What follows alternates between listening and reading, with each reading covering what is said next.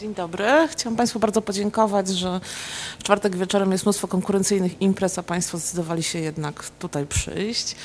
E, Mój wykład będzie dotyczył historii politycznej pamięci o zagładzie w latach 44-68.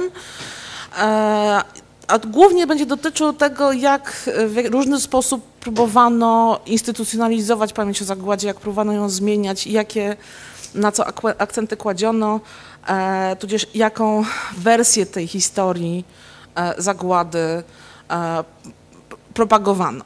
Natomiast zaczniemy w sposób zupełnie nietypowy, z tego co wiem, dla tych spotkań, a mianowicie za- zaczniemy od e, trzech filmów, no, trzy różne fragmenty e, polskiej kroniki filmowej e, dotyczące e, trzech różnych okresów. E, Pierwszy film, mam nadzieję, będzie z 45, potem mam 53, na koniec 68, żeby Państwo już wiedzieli mniej więcej, sami zorientowali się, o czym będzie mowa. Rocznicę bohaterskiej walki powstańców żydowskich z niemieckimi barbarzyńcami odbyło się na terenie dawnego getta w Warszawie odsłonięcie pomnika ku czci poległych tam bojowników. Na uroczystość przybyły liczne delegacje z wieńcami i sztandarami. Wśród pustyni, będącej pomnikiem największej hańby naszego stulecia, złożono hołd bohaterom, którzy żołnierską śmierć przełożyli nad poniżenie człowieczej godności. W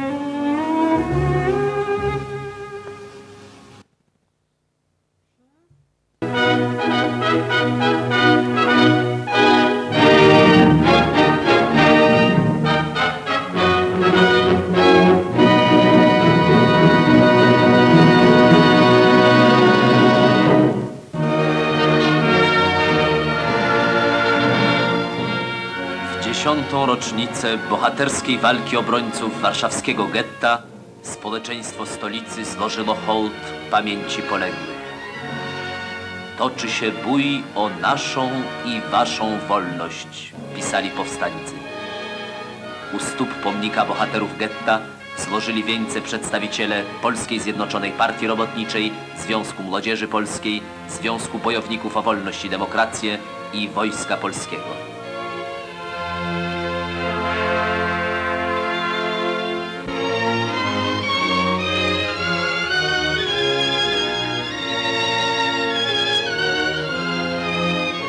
Powstanie w getcie to piękna i chlubna karta naszej historii. Powstańcy żydowscy zginęli w walce z faszyzmem o nową, ludową Polskę.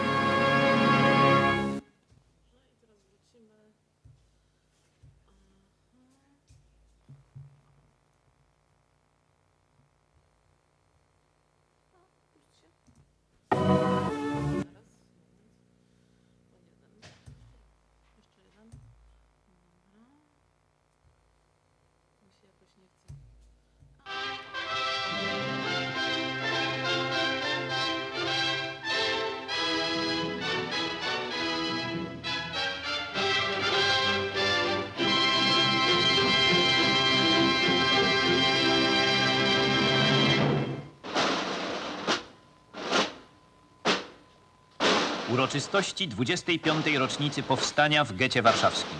Społeczeństwo polskie czci pamięć tych, którzy oddali życie w naszej wspólnej walce przeciwko hitlerowskiemu najeźdźcy. Pod pomnikiem bohaterów getta składają wieńce delegacje związków kombatanckich, wojska, Frontu Jedności Narodu, warszawskich zakładów pracy, żydowskich organizacji społecznych i kulturalnych w Polsce. Zdjęcia archiwalne. Geto warszawskie w ostatnich dniach swego istnienia.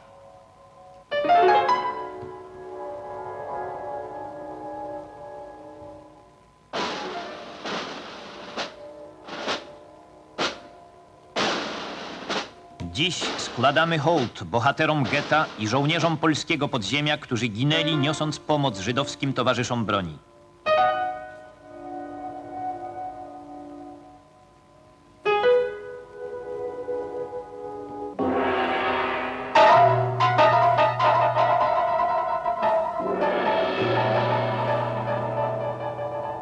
Przed 25 laty, 19 kwietnia 1943 roku, żydowscy powstańcy wystąpili do walki otwartej, choć nierównej i beznadziejnej.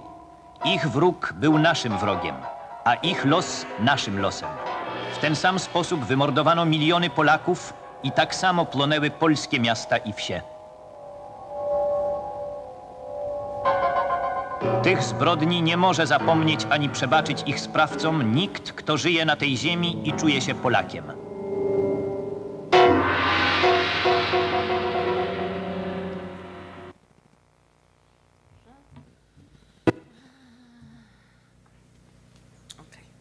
Jak Państwo widzą, e, to są trzy filmy przedstawiające obchody e, rocznicy powstania w getcie. E, Państwo mo- mogą też zobaczyć, jak e, odbudowuje się Warszawa. Tak? Na, na pierwszym filmie, zaczynając od osłonięcia pomnika z 1946 roku, który jest dzisiaj trochę taki zapomniany, E, widać wyłącznie Morze Gruzów. Tak, potem mamy pomnik i znowu Morze Gruzów, 60. u- u- Tak, ale już się pojawiają jakieś budynki, Muranów się buduje. 68 to jest już mniej więcej to, co znamy. Tak? To, to jest mniej więcej to, co znamy. Jak, tak, tak jest, Panie Marianie. E, to jest mniej więcej to, co znamy, jak wyjdziemy z tego budynku na górę. Tak? To jest ta okolica, może drzew jeszcze nie ma, jeszcze nie, urosły, ale, ale to jest mniej więcej ten sam obraz. I też widzimy, jak pojawiają się bardzo różne tematy. Tak? W tym pierwszym filmie z 46 roku, w tej pierwszej kronice mamy do czynienia e, tak z pamięcią po prostu powstania w getcie. W 53 wprowadzone już są nowe wątki e, i to są wątki na przykład, nie wiem, czy Państwo zwrócili uwagę, jak e, Łapicki mówi, że obrońcy getta. Tak, znaczy powstańcy w getcie nie byli oczywiście obrońcami getta warszawskiego, e, tak, ale to, to już mniej więcej te frazy się zaczynają pojawiać, e, tak samo jak się pojawia tak wpisanie za waszą i naszą wolność. Tak, powstańcy w getcie walczyli za naszą i waszą wolność. No i 68 to były szczególne oczywiście obchody ze względu na marzec 68 e, i tu też się pojawiają, jest wyeksponowany wątek polskiej pomocy, tak? to znaczy to są obchody nie tylko powstania w getcie, ale również tym, którzy pomagali powstańcom, tak? Polakom. Po, bo obchody ku czci również Polaków, nie tylko Żydów. I to są takie różne tematy, które będą w tym dzisiejszym moim wykładzie przebrzmiewać, ponieważ e, tak naprawdę polityka dotycząca pamięci o zagładzie w latach 44-68 to jest, przedstawia pewną e, dychotomiczną wizję okupacji. Tak, ono, to jest coś, co się zmienia, ono będzie inaczej wyglądało właśnie w tym 44, inaczej w tym 68, co jest jasne, ale przede wszystkim to jest taka schizofrenia między bardzo różnymi, wydawałoby się sprzecznymi e, wątkami. To znaczy od takiego pierwszego pytania, czy zagłada, to była zagłada Żydów, e, poprzez, czy, czy też zagłada Żydów i Polaków, tak, i właściwie kto, kto w zagładzie najbardziej ucierpiał. E, To będzie takie pytanie, które będzie się pojawiało, czy to jest wspólne męczeństwo, czy to jednak nie jest wspólne męczeństwo. Będzie się pojawiało też pytanie o pomoc, tak? to znaczy e, o rolę Polaków w zagładzie. Tak? Będzie ten temat e, też bardzo mocno w pewnym momencie eksponowany, E, ale przede wszystkim to będzie też temat, czy zagłada była zagładą Żydów, czy była Żydów Polski, czy w ogóle Żydów, czy to była zagłada internacjonalna, tak? To znaczy, to, czy zagłada to po prostu zostanie wpisana e, we wszystkie rzeczy, które się działy e, podczas II wojny światowej, co za chwilę zobaczymy na przykładzie Majdanka. Tutaj Państwo mają fragment, to jest pierwszy artykuł, który się ukazał w prasie e, polskiej na temat e, obozu w Majdanku.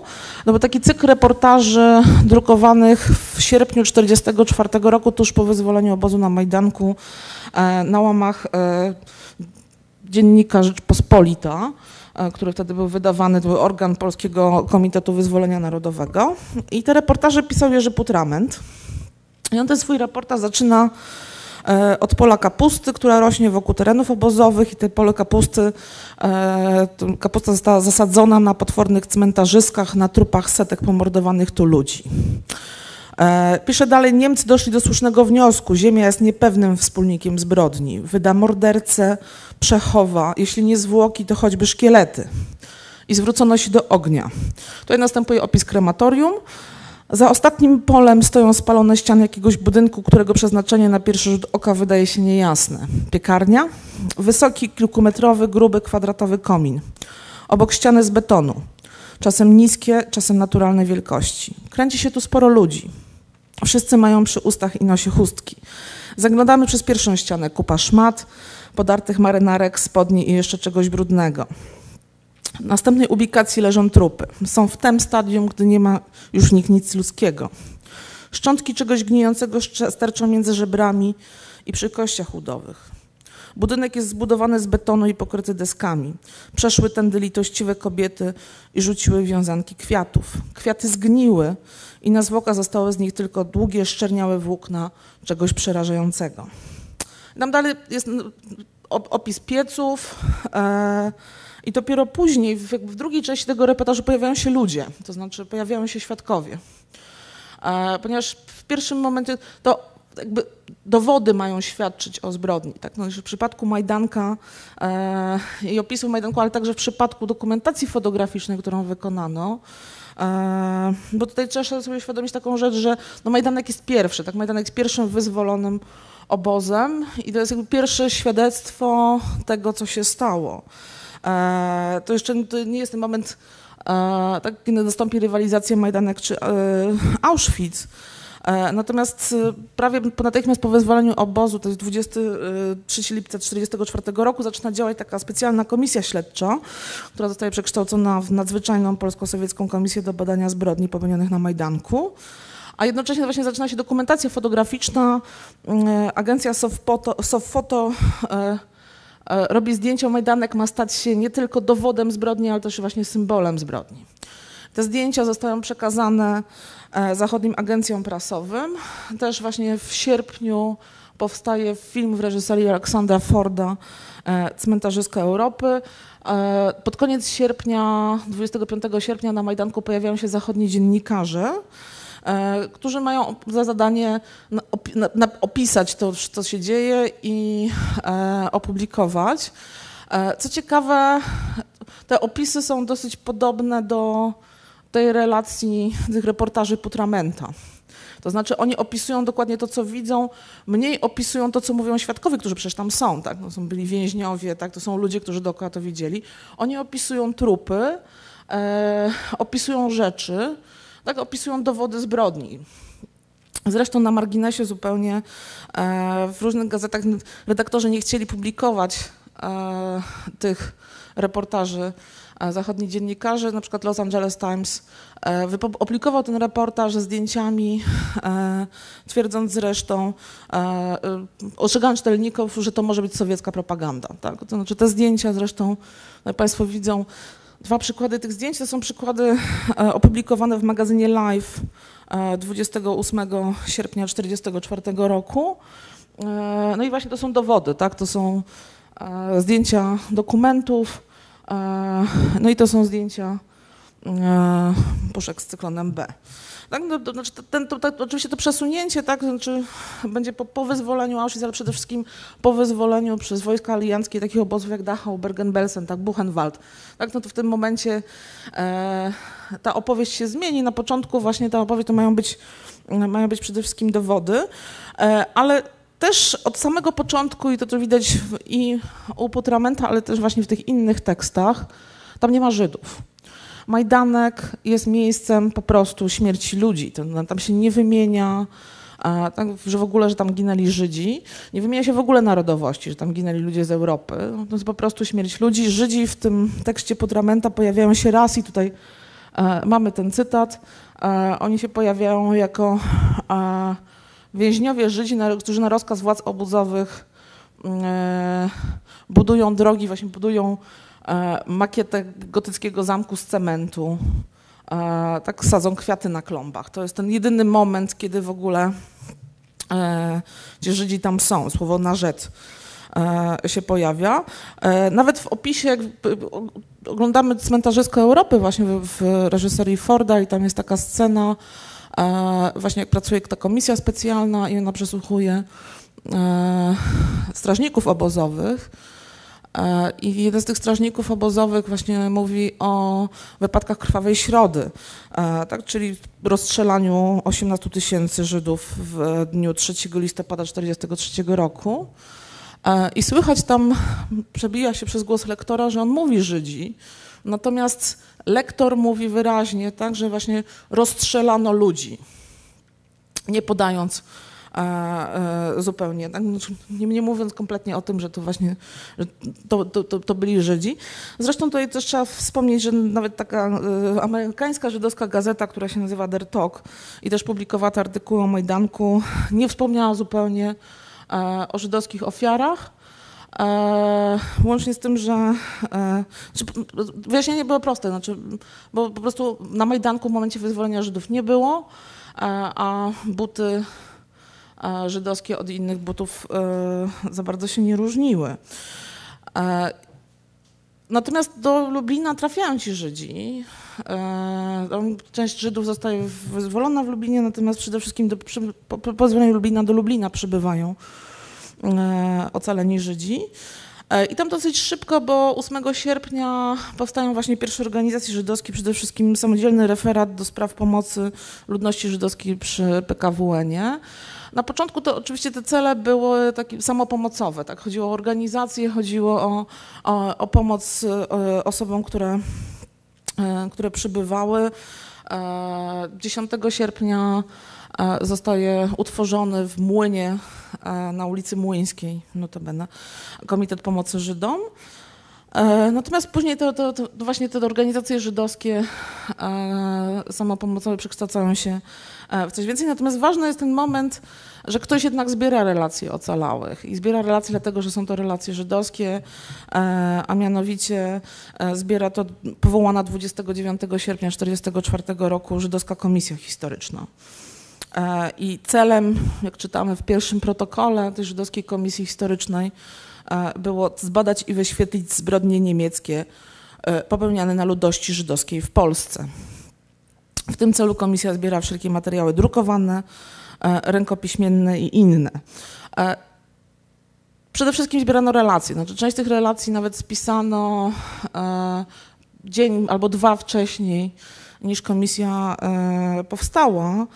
E, zresztą e, one bardzo ładnie pokazują, te najwcześniejsze relacje, które w tej chwili są przechowywane w zbiorze 301 w Żydowskim Instytucie Historycznym, pokazują ten moment, w którym on, były one zbierane, na przykład e, dzień przed powołaniem komisji Eda Lieberman produkowała taką opowieść krawca Pereca Szapiry na temat Żydów, losu, losu Żydów z Gniewoszowa i obozu pracy w Dęblinie, bo zeznający pięć dni wcześniej uciekł z Dęblina z 11, 11 innymi Żydami, ale cytuję, przy życiu jednak pozostali dwa chłopcy opowiadający i Blechman Szajazyryk, urodzony w 26 roku. Resztę uciekających zabił ktoś z ludności miejscowej. Jakby musimy sobie świadomi, znaczy Lublin Lublinem, ale wojna, e, wojna ciągle trwa, e, ale też właśnie zaczynają się, zaczynają się też pierwsze morderstwo. E, I też e, te pierwsze relacje mają przede wszystkim służyć jako dowody w sprawie. To znaczy one, one nie są spisywane na początku tak ku potomnym, żeby w ogóle udokumentować, tylko one przede wszystkim mają służyć jako dowody zbrodni Niemców. Nie myśli się jeszcze o ewentualnych procesach sądowych, ale to jest zbieranie materiałów dowodowych, to jest mniej więcej dokładnie to, co z tym fotografowaniem butów, tak zwłok, e, dokumentów, tak, znaczy ten dowód ma być e, materialny i te zeznania, tak, to one są nazywane zeznaniami albo przesłuchiwaniami świadka w tych pierwszych relacjach. Też właśnie mają taki bardziej charakter e, dowodowy, mają być użyte prawnie. Tutaj, jeśli chodzi o historię, ten Żydowskiej Komisji Historycznej, później Centralnej Żydowskiej Komisji Historycznej. E, trzeba wiedzieć, że e, w, w grudniu 1944 roku, kiedy te organizacje żydowskie się już e, tak okrzepły, Powstaje Centralny Komitet Żydów w Polsce i właśnie też powstaje między innymi zostaje zreorganizowana ta komisja historyczna, powstaje Centralna Żydowska Komisja Historyczna, na której czele staje historyk dr Filip Friedman. Oni zresztą w lutym 46 roku, 45 roku przenoszą się do Łodzi i tam zaczynają pracę na całego, ale też zbierają w komisji nie tylko relacje, ale zbierają też dowody. Między innymi jak weźmiemy do ręki inwentarze, księgi inwentarzowe, co kupowała komisja, bo komisja również kupowała różne rzeczy e, do swoich zbiorów, to znajdziemy tam zarówno obrazy, e, zarówno mandolinę z getta warszawskiego, e, fotografie, ale znajdziemy także tam prochy. Tak, znaczy przekazywano prochy e, i w księdze inwentarzowej są takie lakoniczne opisy jak prochy z Treblinki, czaszki z Majdanka. E, jest też ten lakoniczny wpis pod tytułem Narzędzia tortur, ale niestety nie udało się ustalić e, do dzisiaj w Żichu tak naprawdę, co to są te narzędzia tortur. W każdym razie to właśnie mają być dowody. Dowody w sprawie, a cel to również ma być propagandowy, E, I ten cel propagandowy Friedman w połowie 1945 roku określił w dokumencie programowym. W walce z Żydami obnażył hitleryzm całą swą istotę, prawdziwy oblicze nienasyconej krwiożerczej bestii. Stąd z łona pozostałych przy życiu Żydów polskich e, musiała i powinna wyjść organizacja naukowa, która by wszystkie zbrodnie niemieckie wyprowadziła na światło dzienne przed sąd wolnych narodów świata. Centralna Żydowska Komisja Historyczna powstała dla poinformowania opinii świata, który zna cyfry globalne mordów hitlerowskich, ale nie zdaje sobie jednak sprawy z tego, że cyfry te to jeszcze nie wszystko. Stąd o ta opinia świata nie zdaje sobie jeszcze sprawy z pełni, e, e, z, w pełni ze skutków strasznej katastrofy. I stąd celem komisji jest zebrać wszystkie akta i dokumenty, protokolarne oświadczenie ocalałych ofiar i naocznych świadków zbrodni hitlerowskich, akta sądowe, fotografie, pamiętniki, zapiski, kroniki i wszelkie inne poszlaki e, i dowody. E, te dokumenty mają być zbierane w archiwum właśnie Centralnej Komisji i założonym właśnie przez Centralną Komisję Muzeum. Powstał również teraz Żich właśnie obchodzi 70-lecie istnienia Żydowskiego Instytutu Historycznego. E, natomiast Żydowski Instytut Historyczny powstał wcześniej, bo on istniał przez kilka miesięcy w 1945 roku, ale niestety wyłącznie na papierze. E, były w planach właśnie utworzenie Instytutu Badawczego, e, który w końcu powstał właśnie w 47, w październiku 1947 roku, kiedy to właśnie Centralna Żydowska Komisja Historyczna przeniosła się do Warszawy i została przekształcona w Żydowski Instytut Historyczny. E, tak więc mamy, mamy tutaj już te dwa wątki, także z jednej, z jednej strony mówi się e, oficjalnie tak o tej właśnie, że nie, nie pada słowo Żyd, tak, w opisie właśnie Majdanka, na przykład jak Państwo oglądają, mogą oglądać również filmy, e, te pierwsze kroniki filmowe z wyzwolenia e, Auschwitz, e, to tam również nie pada słowo Żyd. Tak? Znaczy, inna sprawa, że w pierwszej kronice filmowej o wyzwoleniu Auschwitz, gdzie zawarte są nie, nie tyle te materiały, które wszyscy znamy, bo ten taki, te, obrazki z wyzwolenia Auschwitz, które wszyscy znamy, e, to są tak naprawdę materiały z filmu nakręconego e, e, parę miesięcy po wyzwoleniu. To nie, nie była te, te sceny otwierania na przykład bramy obozowej przez żołnierzy radzieckich. To, to była scena, która jest inscenizowana. Można to doskonale rozpoznać, tam nie ma śniegu. E, to jest prawdopodobnie kwiecień 45. Natomiast w momencie wyzwania Auschwitz była kamera, e, była kamera polska, ten materiał zaginął, ale właśnie w jedynej istniejącej kronice, polskiej kronice filmowej pokazującej wyzwolenie Auschwitz e, ten materiał się znalazł, tu widać po prostu śnieg. I lektor, chyba jeszcze nie Łapicki, mówi, że właśnie Oświęcim kolejny przykład e, zbrodni Niemców. Tak? Znaczy to, co nam się w tej chwili wydaje dosyć dziwne, ale wtedy jeszcze Majdanek traktowano jako ten pierwszy naczelny symbol. Tak? E, obóz Auschwitz miał się dopiero nim stać. E, tak naprawdę. E, I też oczywiście stosunek władz e, w tych pierwszych latach, Państwo, którzy byli na wcześniejszych wykładach pewnie już wiedzą, e, do tego życia żydowskiego, do organizacji żydowskiej żydowski był raczej przychylny. Natomiast były wspierane między innymi też dlatego, że e, co prawda finansowano, CKZP było finansowane przez rząd, ale też otrzymywało pieniądze e, od organizacji żydowskich za granicą. Najlepszym przykładem tego jest archiwum Ringelbluma.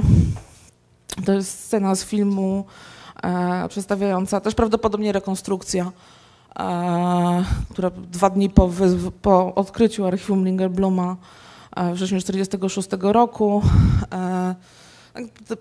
poszukiwanie archiwum Ringelbluma, który był, wiedziano gdzie ukryto, tak, ponieważ z e, całej grupy Onek Szaba przeżyły trzy osoby, Hersch Wasser, Bluma Wasser i Rachela Auerbach. I Hersch Wasser, tak, zaufany człowiek Ringelbluma wiedział, gdzie Ringelblum ukrył pierwszą część archiwum.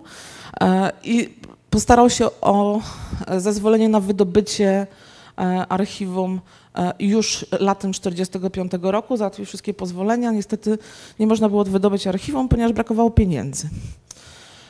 I tych pieniędzy brakowało i brakowało. Zresztą sytuacja CKŻP wtedy była taka, że te subwencje absolutnie na nic nie wystarczały.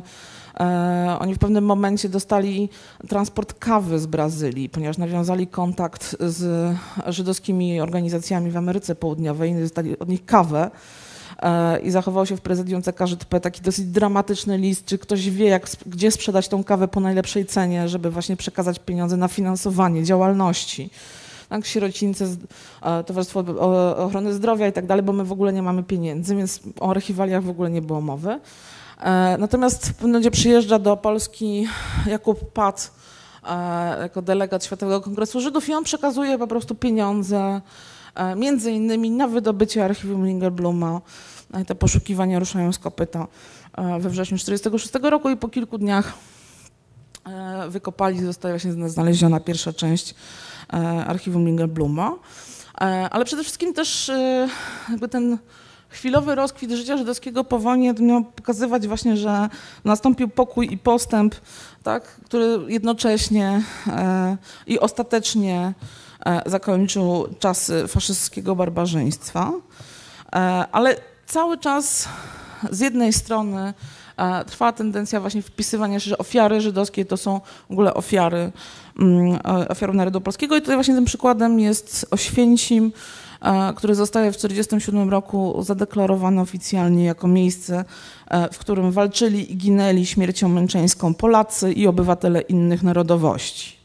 Tak, tam jeszcze podawana jest do tego e, liczba 4 miliony. E, wtedy mówiło się w ogóle właśnie o 6, 6 milionach Polaków, którzy zginęli w czasie II wojny światowej. Za tą liczbę podobno odpowiada Adolf Berman, natomiast mówi się również o 6 milionach obywateli polskich, którzy zginęli w czasie II wojny światowej. Tak? Nie wymienia się Oprócz, oczywiście, że ta liczba jest zawyżona, ale przy okazji właśnie nie wymienia się kompletnie. Tak, wtedy obliczano, że między 3 miliony z tego to są, to są Żydzi. Nie tylko. Nie, nie, nie, nie tylko. To zaraz do tego przejdę. Tak, natomiast y, E, kwestia tego, że no właśnie żydowski ruch oporu, no się pojawia taka narracja e, o walce, tak. E, zaczyna się pojawiać właśnie ta narracja o, o, walce, tak, z okupantem. I ten żydowski ruch oporu, zwłaszcza w powstaniu getcie warszawskim, które właśnie stało się takim symbolem, bardzo dobrze e, wpisywało się w tę narrację o walce. E, tutaj dowodem jest taki cytat z Jerzego Andrzejewskiego, który idzie w 1945 roku E, ulicą w Warszawie i na gruzach miasta widzi dwa plakaty. Że tych plakatów było więcej. E, cała Warszawa tak naprawdę, oprócz tego, że się szukała na tych gruzach tak, w 1945 roku, to e, jak Państwo zobaczą zdjęcia, bardzo często można tam dojrzeć różne plakaty i plakaciki.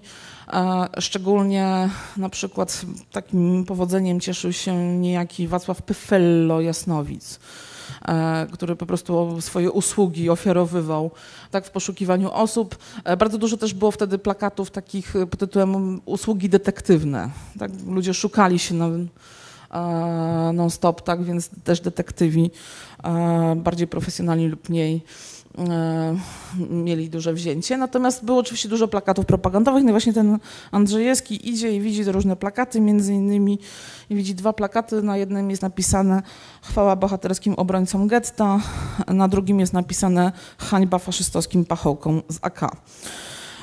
Tak i to, to są to był też taki moment, bo ta sytuacja powojenna, to Państwo pewnie wiecie, dosyć niestabilna.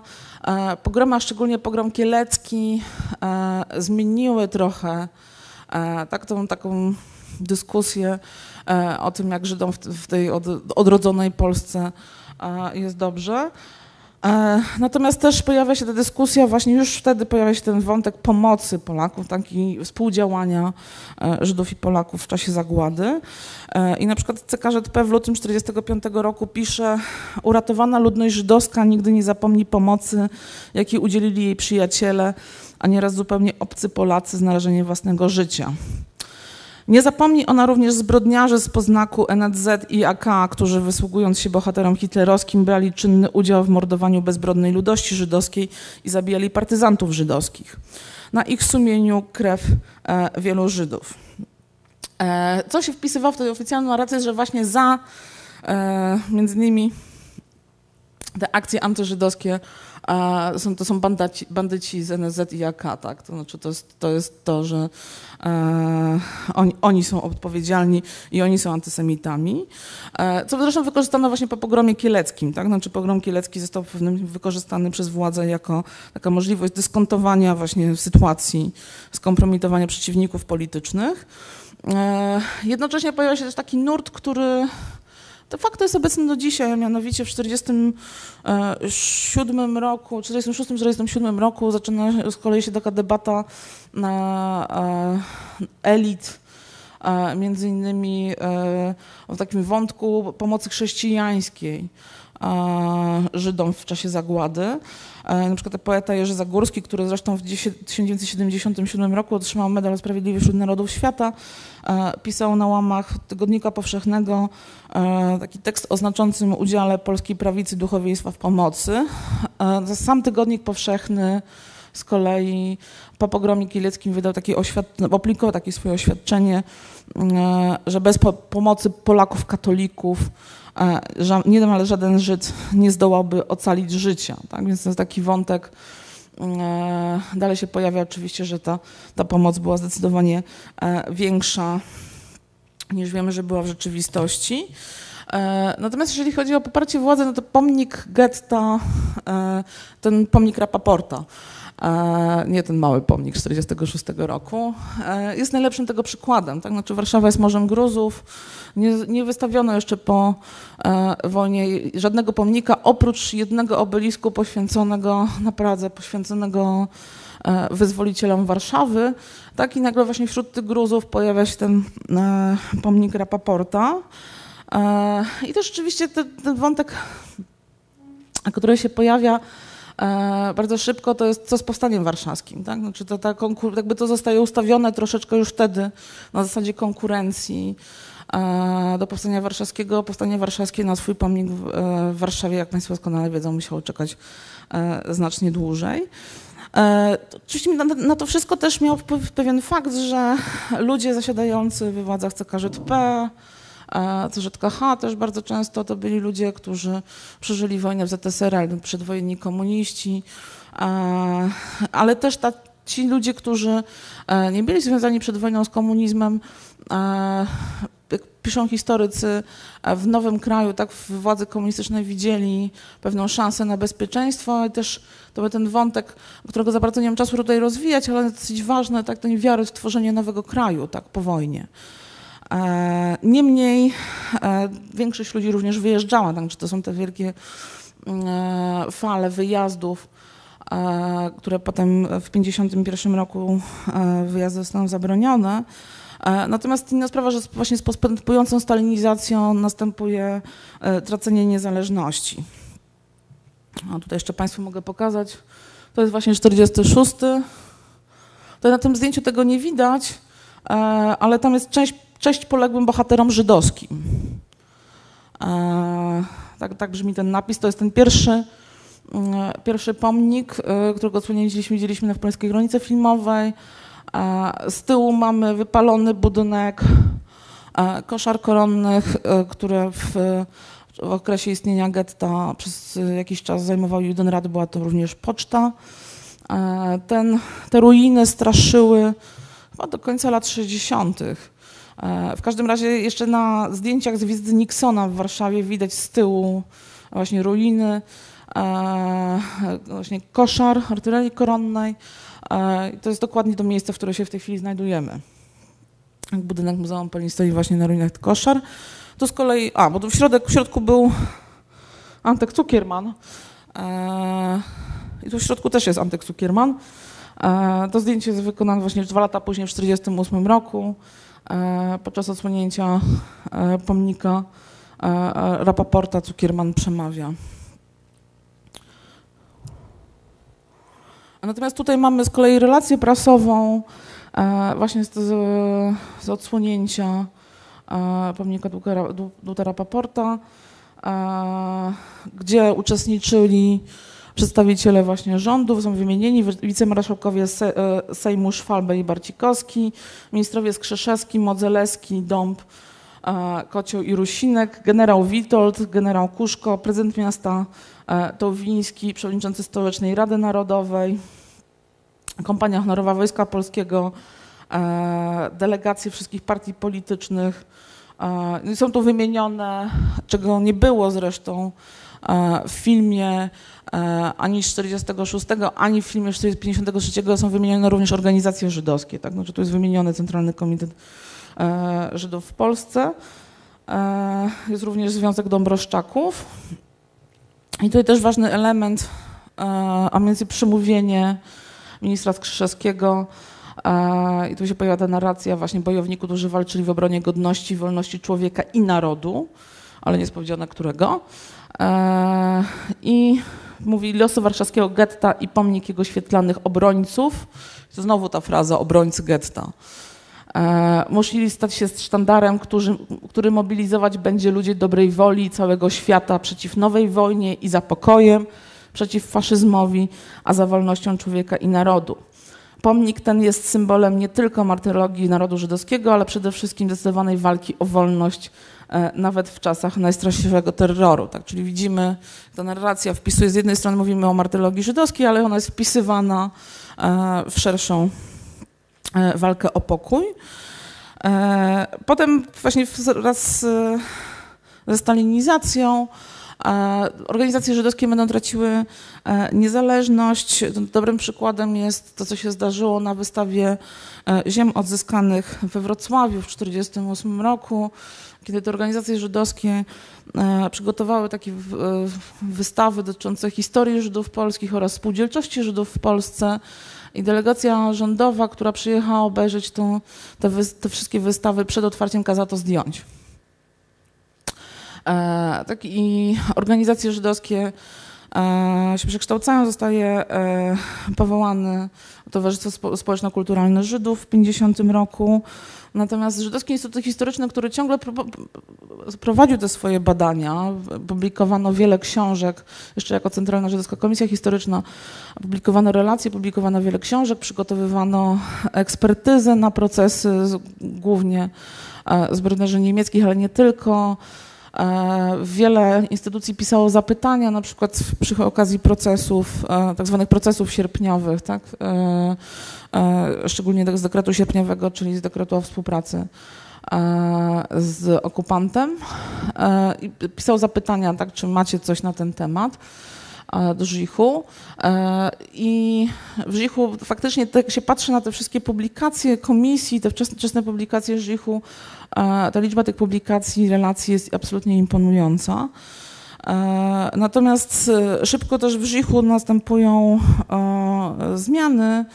E, no, mianowicie dyrektor, ówczesny dyrektor Żichu, Bernard Mark, szybko obejmuje taki kurs, który wyraźnie odpowiada właśnie partyjnej linii, a mianowicie do badań historycznych nad zagładą zostaje wprowadzona teoria marksisto-leninowska, obowiązkowa wtedy.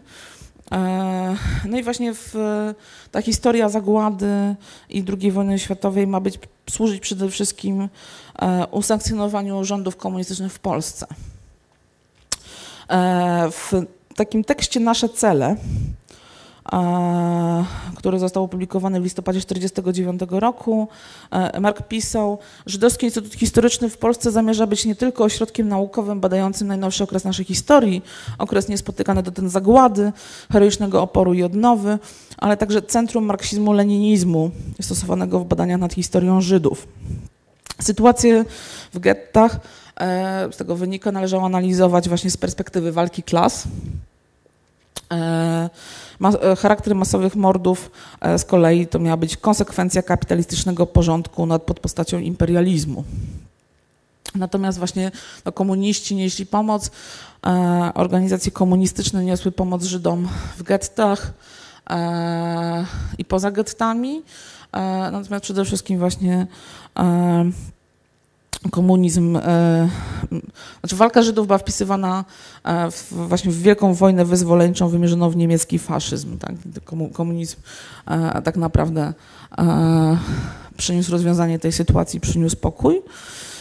No i właśnie te publikacje naukowe w, w, Żichu wyglądało w ten sposób, że to właśnie komuniści to była ta siła napędowa ruchu oporu, to znaczy wszystko z PPR-u, to znaczy w, łącznie z takimi publikacjami, które się pojawiają później, że e, to PPR zainicjował powstanie w getcie warszawskim.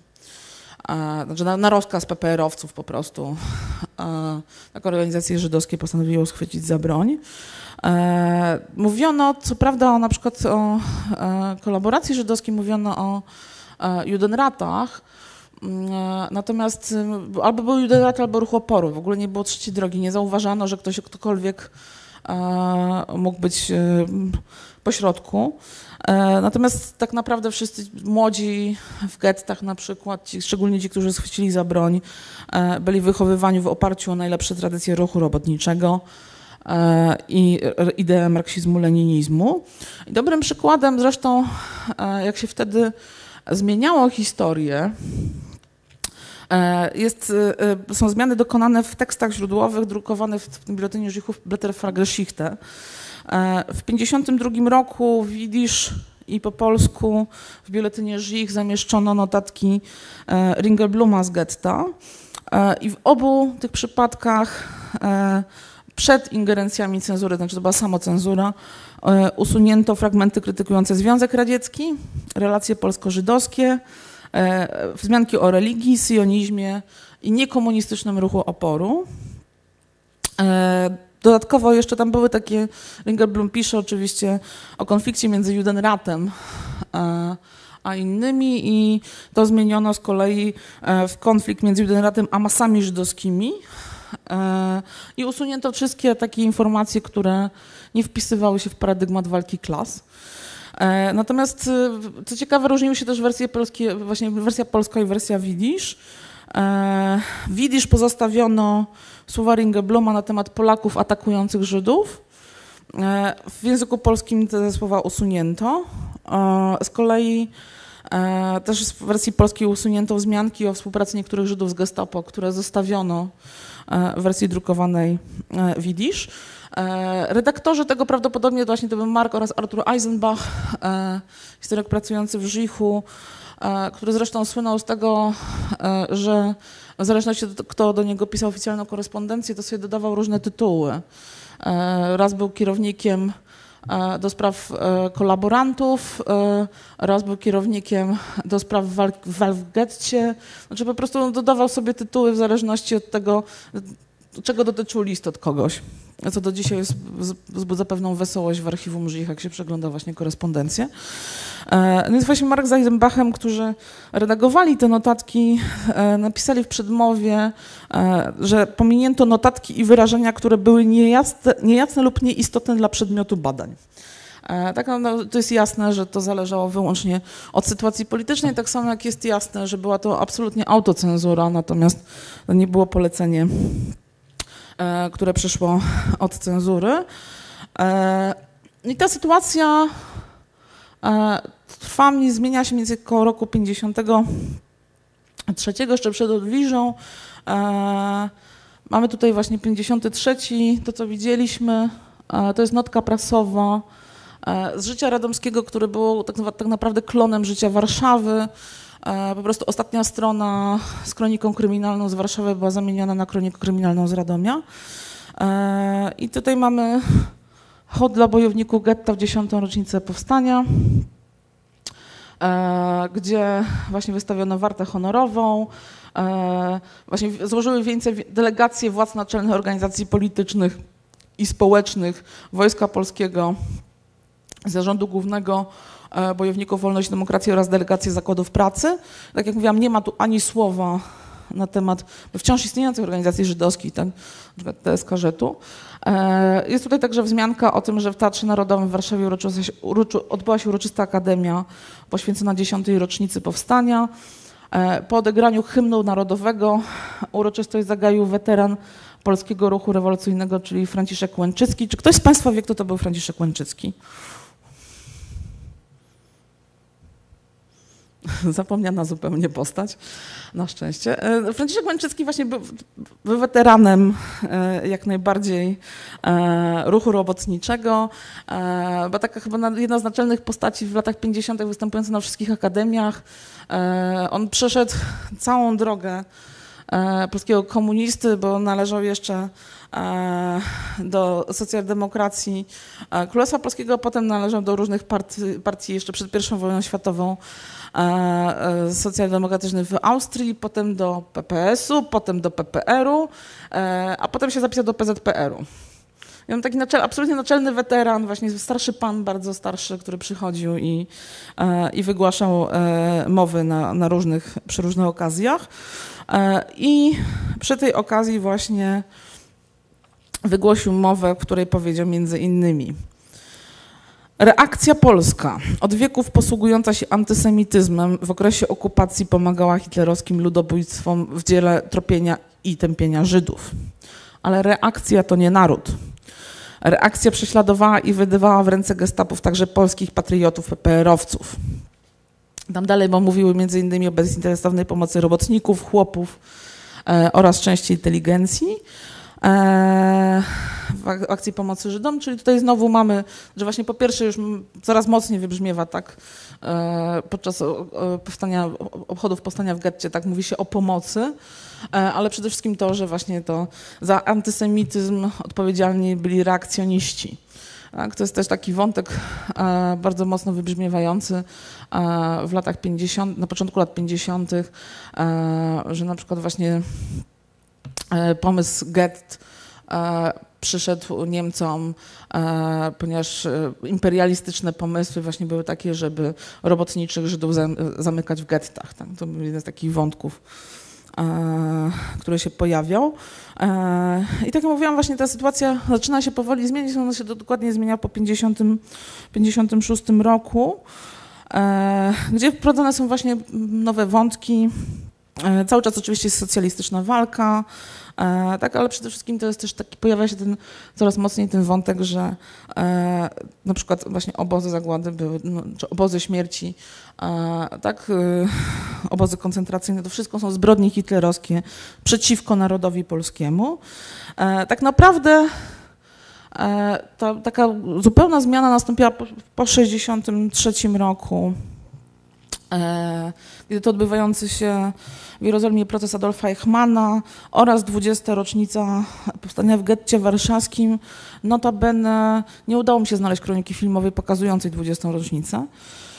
E, to wywołało nie tylko w Polsce, ale w ogóle w całej Europie to szersze zainteresowanie e, problematyką zagłady. I takich z różnych publikacji, e, które się ukazywały w tym właśnie kontekście rocznicowym w PRL, tego było mnóstwo. Ukazała się na przykład książka e, Bernarda Marka właśnie o powstaniu w getcie warszawskim. E, natomiast e, też przy tej okazji była dekoracja wysokimi odznaczeniami państwowymi Polaków właśnie podczas tych obchodów rocznicowych.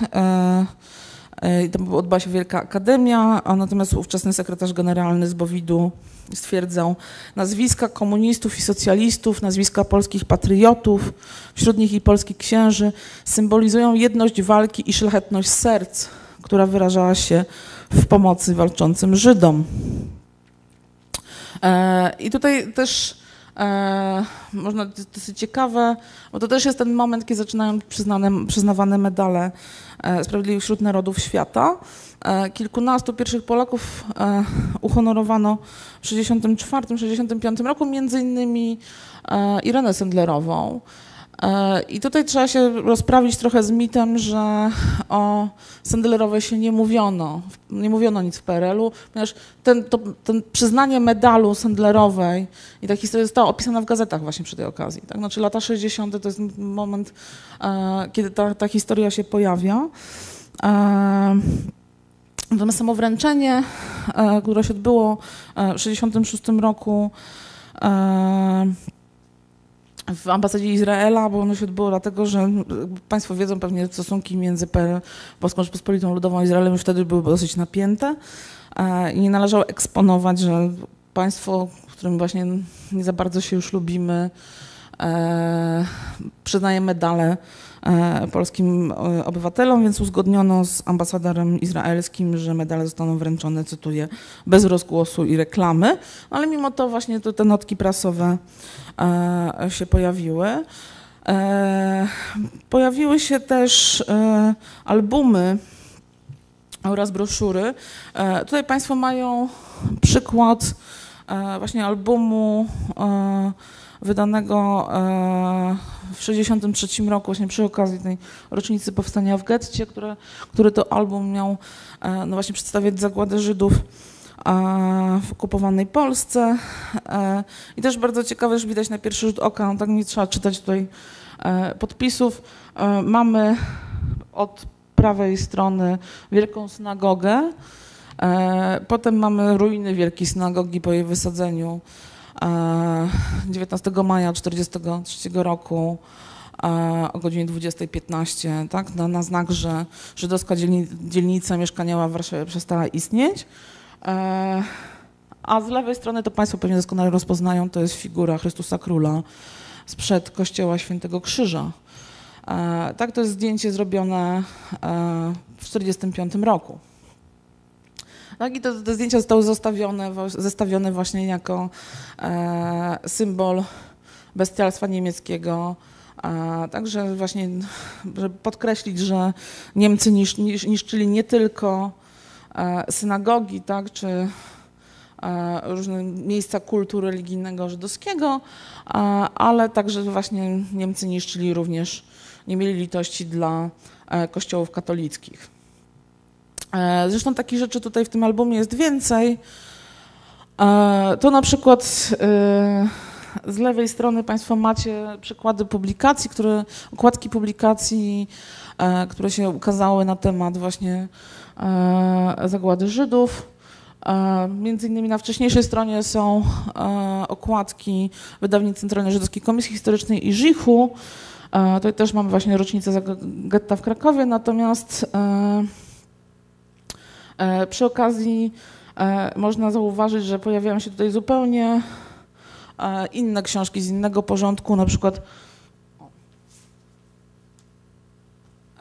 Ta książka nosi tytuł Ofensywa rewizjonizmu niemieckiego. E, tutaj mamy również zbrodnię okupanta. Tytuł, którego tu nie widać, to jest zbrodnia okupanta w czasie powstania warszawskiego w 1944 roku. Tak, no, są, tak, znaczy pod tytuł, podpis pod tymi fotografiami jest, że to są właśnie książki poświęcone e, tak, męczeństwu e, narodu polskiego w czasie e, II wojny światowej w albumie poświęconym wyraźnie tak, e, zagładzie Żydów na, e, w okupowanej Polsce. E, natomiast tutaj obok mamy z kolei też taki przykład. E, pojawiały się jedynki gazet piszących o regionalnych, piszących o rocznicy powstania w getcie warszawskim. Czy Państwo rozpoznają pomnik, znaczy obelisk po prawej stronie? Kto jest z Żoliborza, ten wie.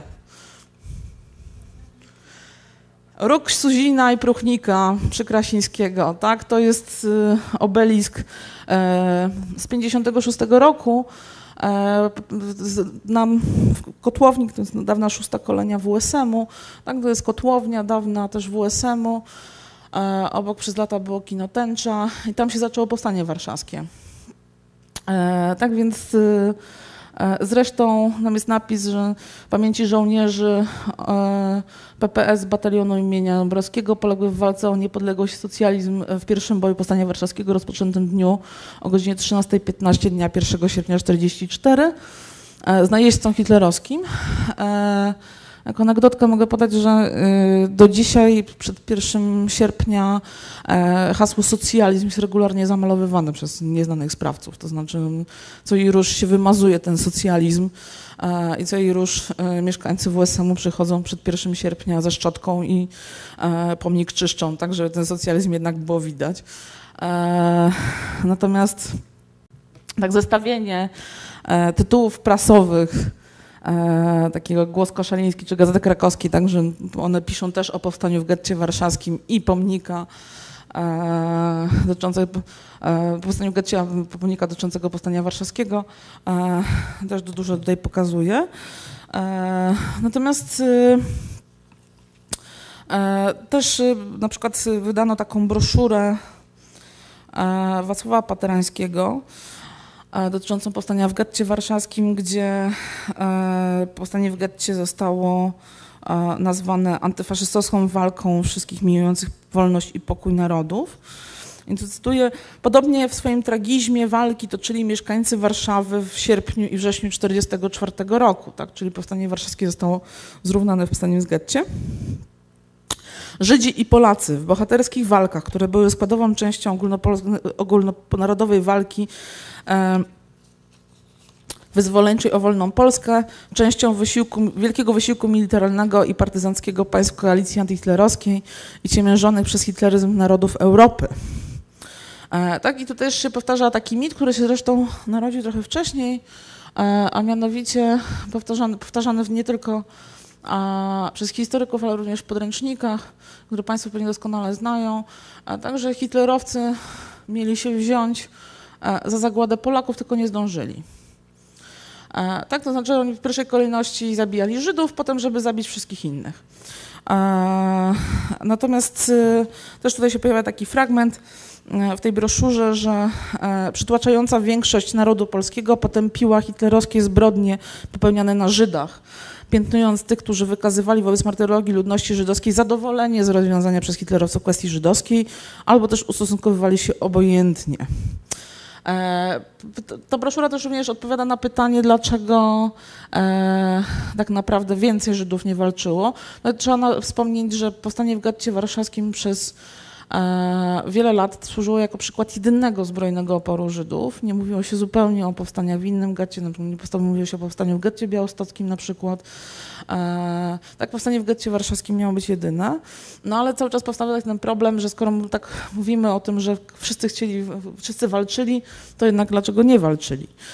E, a mianowicie nie walczyli, bo grupy burżuazyjne i prawicowe nawoływały do bierności. Lewica i PPR organizowały zbrojny opór. E, tak, no i tutaj e, jest też pokazywane właśnie jako, jako walka e, komunizmu z całą resztą świata. Natomiast też wymieniana jest taka lista tych, którzy, po, którzy chcieli ratować i pomagali. Na pierwszym miejscu są komuniści, socjaliści, ludowcy, harcerze, oficerowie i żołnierze Gwardii Ludowej i Armii Krajowej. No to już jest pod że tak, no Armia Krajowa już się pojawia. E, ale także katolicy, księża, zakonnice, profesorowie, robotnicy e, i uczniowie. Z takich też różnych albumów można wspomnieć tutaj o takim albumie, który też wtedy wyszedł, to jest album Miasto Nieujarzmione, album poświęcony Warszawie. E, w tym albumie na 270 fotografii tylko cztery są poświęcone powstaniu w getcie. To są reprodukcje fotografii z raportu Sztropa, dwie fotografie natomiast są z getta. Wyłącznie, tak? Więc to jest duży album o Warszawie.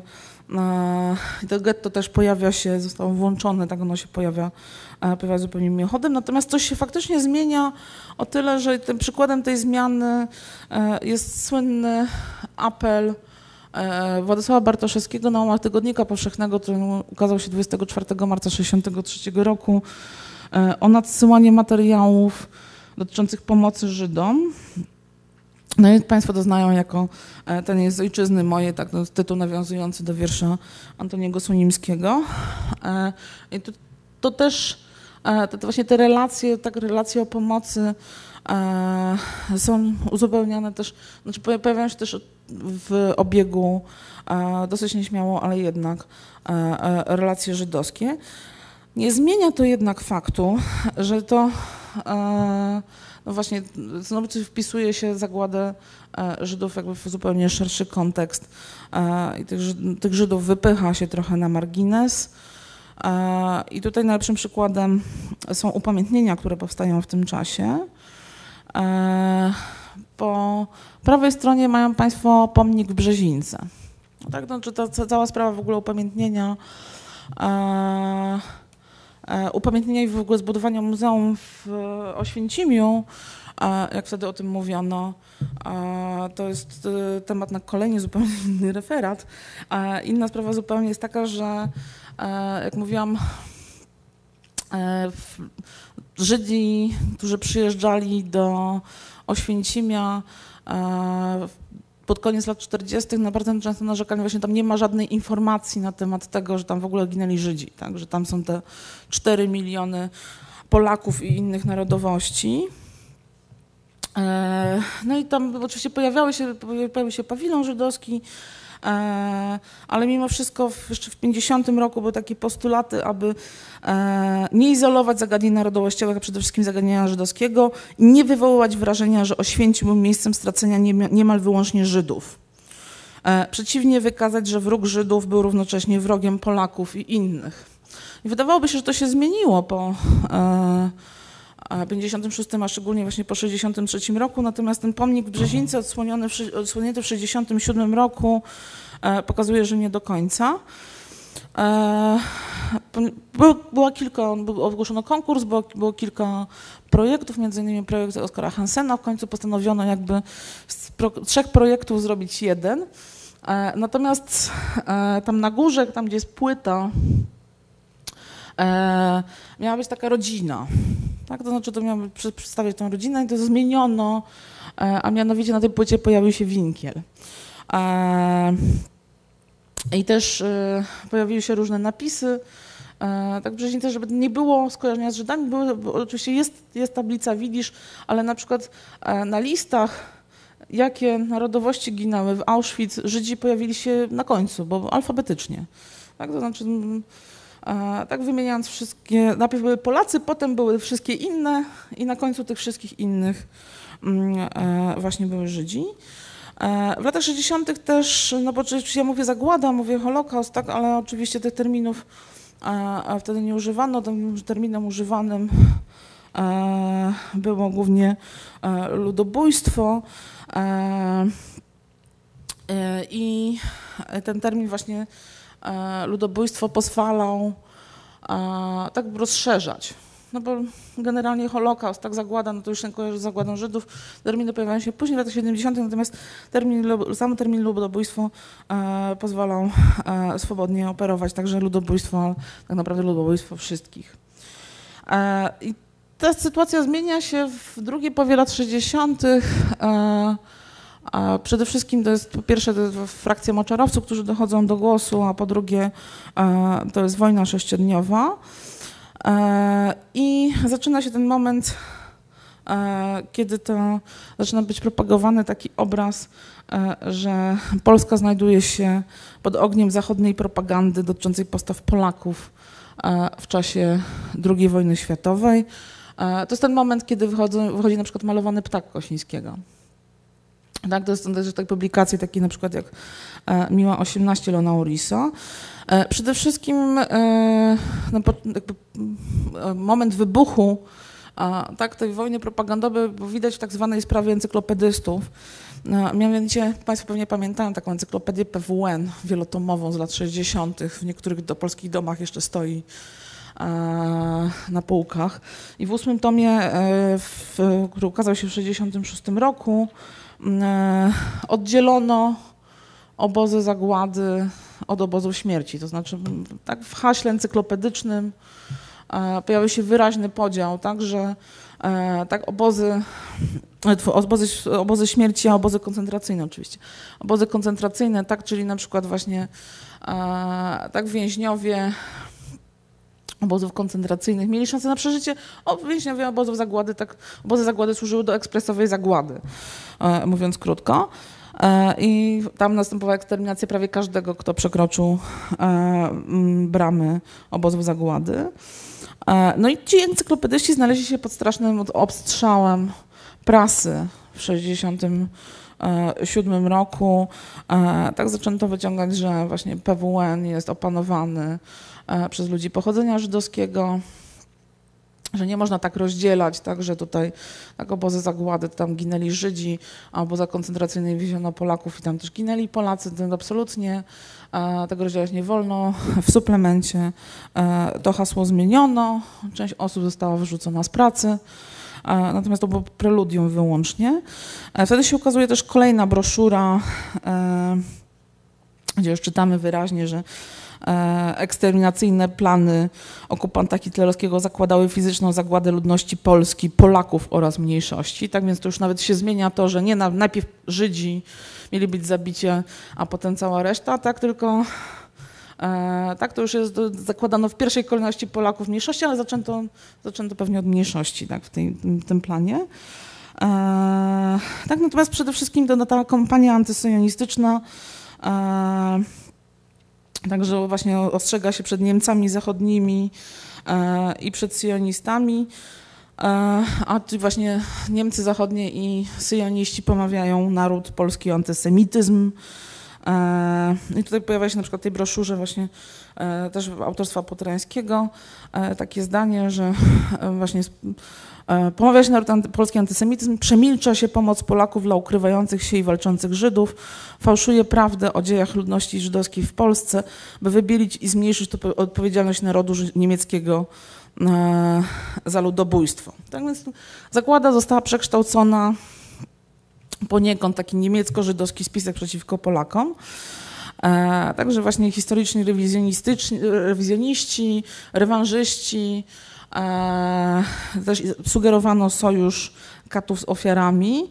E, tam pojawiły się takie teorie, że Niemcy nie tylko wspierają właśnie wojny i ludobójstwo na Bliskim Wschodzie, także hitlerowcy doradzają armii izraelskiej, ale też w tych publikacjach przedmarcowych i marcowych pojawia się wątek, że tak syjoniści zapotrzebowali zagłady do tego, żeby stworzyć państwo Izrael, bo wcześniej nikt nie chciał nie było zgody na stworzenie państwa Izrael, tak, a przez zagładę właśnie można było e, dostać własne państwo. Tak? Więc kto jest prawdziwą ofiarą II wojny światowej w tych publikacjach? Ofiarą oczywiście są e, Polacy, natomiast cały spisek e, tak wrogich sił ma na celu zaprzeczenie martyrologii polskiego narodu mm, i przypisanie winy za zagładę Polakom. Taką sztandarową książką przedmarcową jest taka książka E, Izrael i RFN e, Walichnowskiego, która okazała się właśnie też w 1967 roku, e, gdzie on wyraźnie stwierdza, że mimo ofiarnej, pełnej poświęceń działalności uczestników polskiego ruchu oporu, hitlerowcy wymordowali na obrzeże Polski 2,5 miliona obywateli polskich pochodzenia żydowskiego i ponad milion Żydów. E, tak, tutaj następuje, to jest odpowiedź na to pytanie, które pan wcześniej zadał, tak, znaczy to, to no oczywiście, ale czas na pytania przyjdzie później, tak, znaczy to jest, to jest dodatkowo tak, że obywatele polscy pochodzenia żydowskiego i milion innych Żydów, my rzeczywiście możemy się domyśleć, że być może w tej narracji chodziło o to milion innych Żydów, to właśnie Żydzi francuscy, tak, Żydzi holenderscy, tak, ci wszyscy, którzy byli przywożeni tutaj e, i tutaj ginęli, ale uważniejsza lektura pokazuje, że to chyba nie do końca tak. E, tak, to znaczy w jakimś niejasny zupełnie sposób e, obywatele polscy pochodzenia żydowskiego, którzy zginęli, a, a, ci inni Żydzi, no to są ci obywatele polscy, którym próbowano pomóc, inni Żydzi, którzy nie wiadomo skąd się wzięli. Tak przynajmniej w tej, tej dosyć, muszę powiedzieć, pogmatwanej, w pogmatwanych wywodach autora wygląda. Między innymi też dalszą częścią tych pogmatwanych wywodów jest oskarżenie polityków syjonistycznych o przezwyciężanie hitlerowskiej przeszłości w kierunku wygodnym dla kół rządzących w Bonn. A ten wygodny, e, e, wygodny kierunek to jest szkalowanie Polski Ludowej. E, tutaj przy tej okazji widać, że zagłada zaczyna być takim pomostem pomiędzy różnymi środowiskami, których normalnie chyba nie miałoby szansy się spotkać. To znaczy bez względu na, na e, bardzo różne podziały polityczne i światopoglądowe, e, w tej właśnie Walichnowski, w tej, swoim, tej książ swojej książce Izrael i RFN, no się powołać na Bartoszewskiego i tego z ojczyzny mojej. To znaczy to jest ten argument, e, że właśnie Polacy ratowali Żydów, E, zaczyna też wspierać rząd w Londynie i polskie państwo podziemne. Tak, chociaż wydaje nam się, że to tak naprawdę nie powinno grać ze sobą, tak, że tutaj publicysta perelowski, tak, e, ale nie, nie, bo, chodziło o, po prostu o to, że polskie, polskie państwo podziemne, e, nie tylko komuniści, również tak oni próbowali, e, próbowali ratować. E, no i oczywiście te wszystkie wątki pojawią się w słynnej, mm, w słynnych przemówieniach Gomułki, E, tak, między innymi w tym mówieniu Gomułki na Kongresie Związków Zawodowych 16, 19 czerwca 1967 roku. E, e, I też to jest taka fala właśnie tekstów o niedocenionym polskim bohaterstwie i tej bezinteresownej, masowej polskiej pomocy udzielanej bez względu na barwy polityczne. Z drugiej strony też się pojawia taki obraz z żydowskiej bierności, żydowskiej kolaboracji. Tak, to jest też taki wątek właśnie w tym mm, piśmiennictwie marcowym. Bardzo często, że właśnie e, większość Żydów albo kolaborowała, albo właśnie po prostu była bierna. E, I też między innymi to był powód, dla, dla których Polacy, którzy za, wszelki, za wszelką cenę chcieli im pomóc, e, mi się po prostu, po prostu nie udało. I to jest taki cytat z Michała Głowińskiego, który w swojej absolutnie klasycznej analizie propagandy marcowej nazwał taki właśnie blok tekstów tekstami o żydowskiej niewdzięczności i polskim miłosierdziu. Był to w fabule marcowej wątek obligatoryjny. Niewdzięcznicy oskarżają nas o antysemityzm, a nie pamiętają, co dla nich uczyniliśmy. E, tak, I to też właśnie jako mantra powtarzane jest takie stwierdzenie, że Żydzi mogli liczyć e, wyłącznie e, na Polaków. E, I tu mamy E, też artykuł właśnie prasowy dotyczący 25. rocznicy powstania w getcie warszawskim i Akademii. E, I też tutaj oczywiście są wyliczane wszyscy, wszystkie e, osoby wszystkie władze, absolutnie wszyscy się zjawili, łącznie z Międzynarodową Federacją Bojowników Ruchu Oporu. Co ciekawe, no, podczas właśnie przemówienia wygłasza sekretarz generalny z Bowidu. Natomiast E, również mamy do czynienia z koncertem e, artyści scen krajowych e, oraz recytacją czterech wierszy niejakiego T.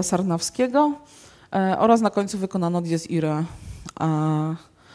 Pendereckiego. Natomiast zamknęła, zamknęła koncert recytacja wierszy Broniewskiego Żydom Polskim. I tak naprawdę jak się przy, przypatrzymy gdzie przez te wszystkie lata, w jakiej formie drukowano wiersz Broniewskiego Żydom Polskim, napisane zresztą przez Broniewskiego w Jerozolimie w 1943 roku, to ładnie pokazuje właśnie, co było akurat na fali e, według władzy. Tak? To znaczy, e, Państwo być może wiedzą, e, wiersz Żydom Polskim Broniewskiego jest poświęcony pamięci Szmula Zegelbojma, który popełnił samobójstwo w Londynie na wieś o zagładzie Żydów polskich.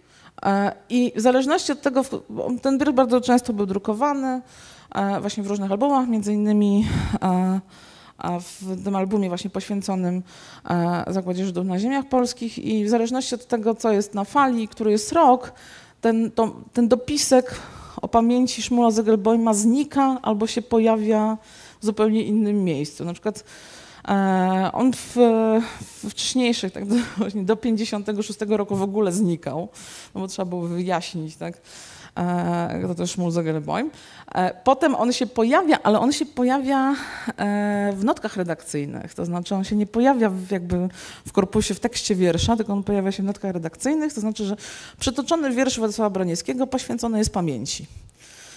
Tak, i tu jest ta informacja. E, e, natomiast są też momenty, kiedy jakby on jest przytaczany e, absolutnie w całości. E, zresztą e, bardzo często, jak Państwo zobaczą, wystarczy wygooglać, e, na różnych stronach internetowych dzisiaj jest dokładnie to samo. To znaczy ten, ten dopisek o Zygelbojmie albo znika, i wtedy wiersz interpretowany jest na przykład dla stronach dla uczniów gimnazjum, znaczy teraz już świętej pamięci gimnazjum, ale e, dobrze, teraz podstawówki bodajże. E, także to jest wiersz interpretowany właśnie o na temat tego, jak, jak Polacy bardzo współczuli Żydom. E, I wtedy ten, dopis, ten, ten dopisek na początku się znika, albo wiersz jest drukowany w całości, e, tak jak to zawsze było. E, tak więc ten, ten, e, ten wątek też jest dosyć interesujący, widać go w takich małych szczegółach.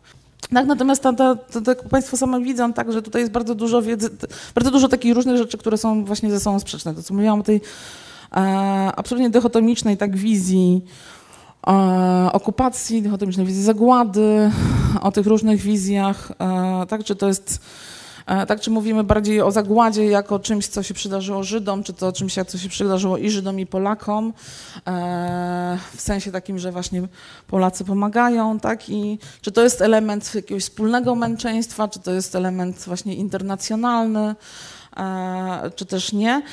No i przede wszystkim właśnie to, czy, czy to powstanie w getcie, tak, czy inne wątki zbrojne, które są jakby e, bardziej eksponowane, tak? Znaczy niż na przykład e, rocznica, do pewnego momentu niż rocznica wyzwolenia Auschwitz, czy też na przykład e, tak? E, rocznica powstania w Treblince, e, o której się w ogóle nie mówiło. Znaczy Treblinka, e, Berzec Sobibór to były do pewnego momentu w ogóle zapomniane, zapomniane tematy. One pojawiły się na początku, zaraz po wojnie i potem Dopiero właśnie w latach 60., w 64 roku powstaje upamiętnienie w Treblince. Więc ja mówię o powstaniu w getcie, dlatego że właśnie ono jest tym naczelnym, no, najlepiej to widać, tak? to jest naczelny wątek. Nie mówi się o ofiarach, ale mówi się, e, mówi się o bojownikach, o bojownikach, którzy właśnie bądź to walczyli w obronie getta, e, bądź to walczyli za e, naszą i waszą wolność, no ale przede wszystkim właśnie jak to było instrumentalizowane i ciągle jest, tak, znaczy zagłada ciągle jest instrumentalizowana w zależności od tego, co, jakie są doraźne cele polityczne i nie tylko. Bardzo dziękujemy Pani doktor za wykład. I zapraszamy serdecznie na kolejny wykład z tego cyklu 16 listopada, który wygłosi Bożena Szajnok. Dziękujemy. Dziękuję bardzo.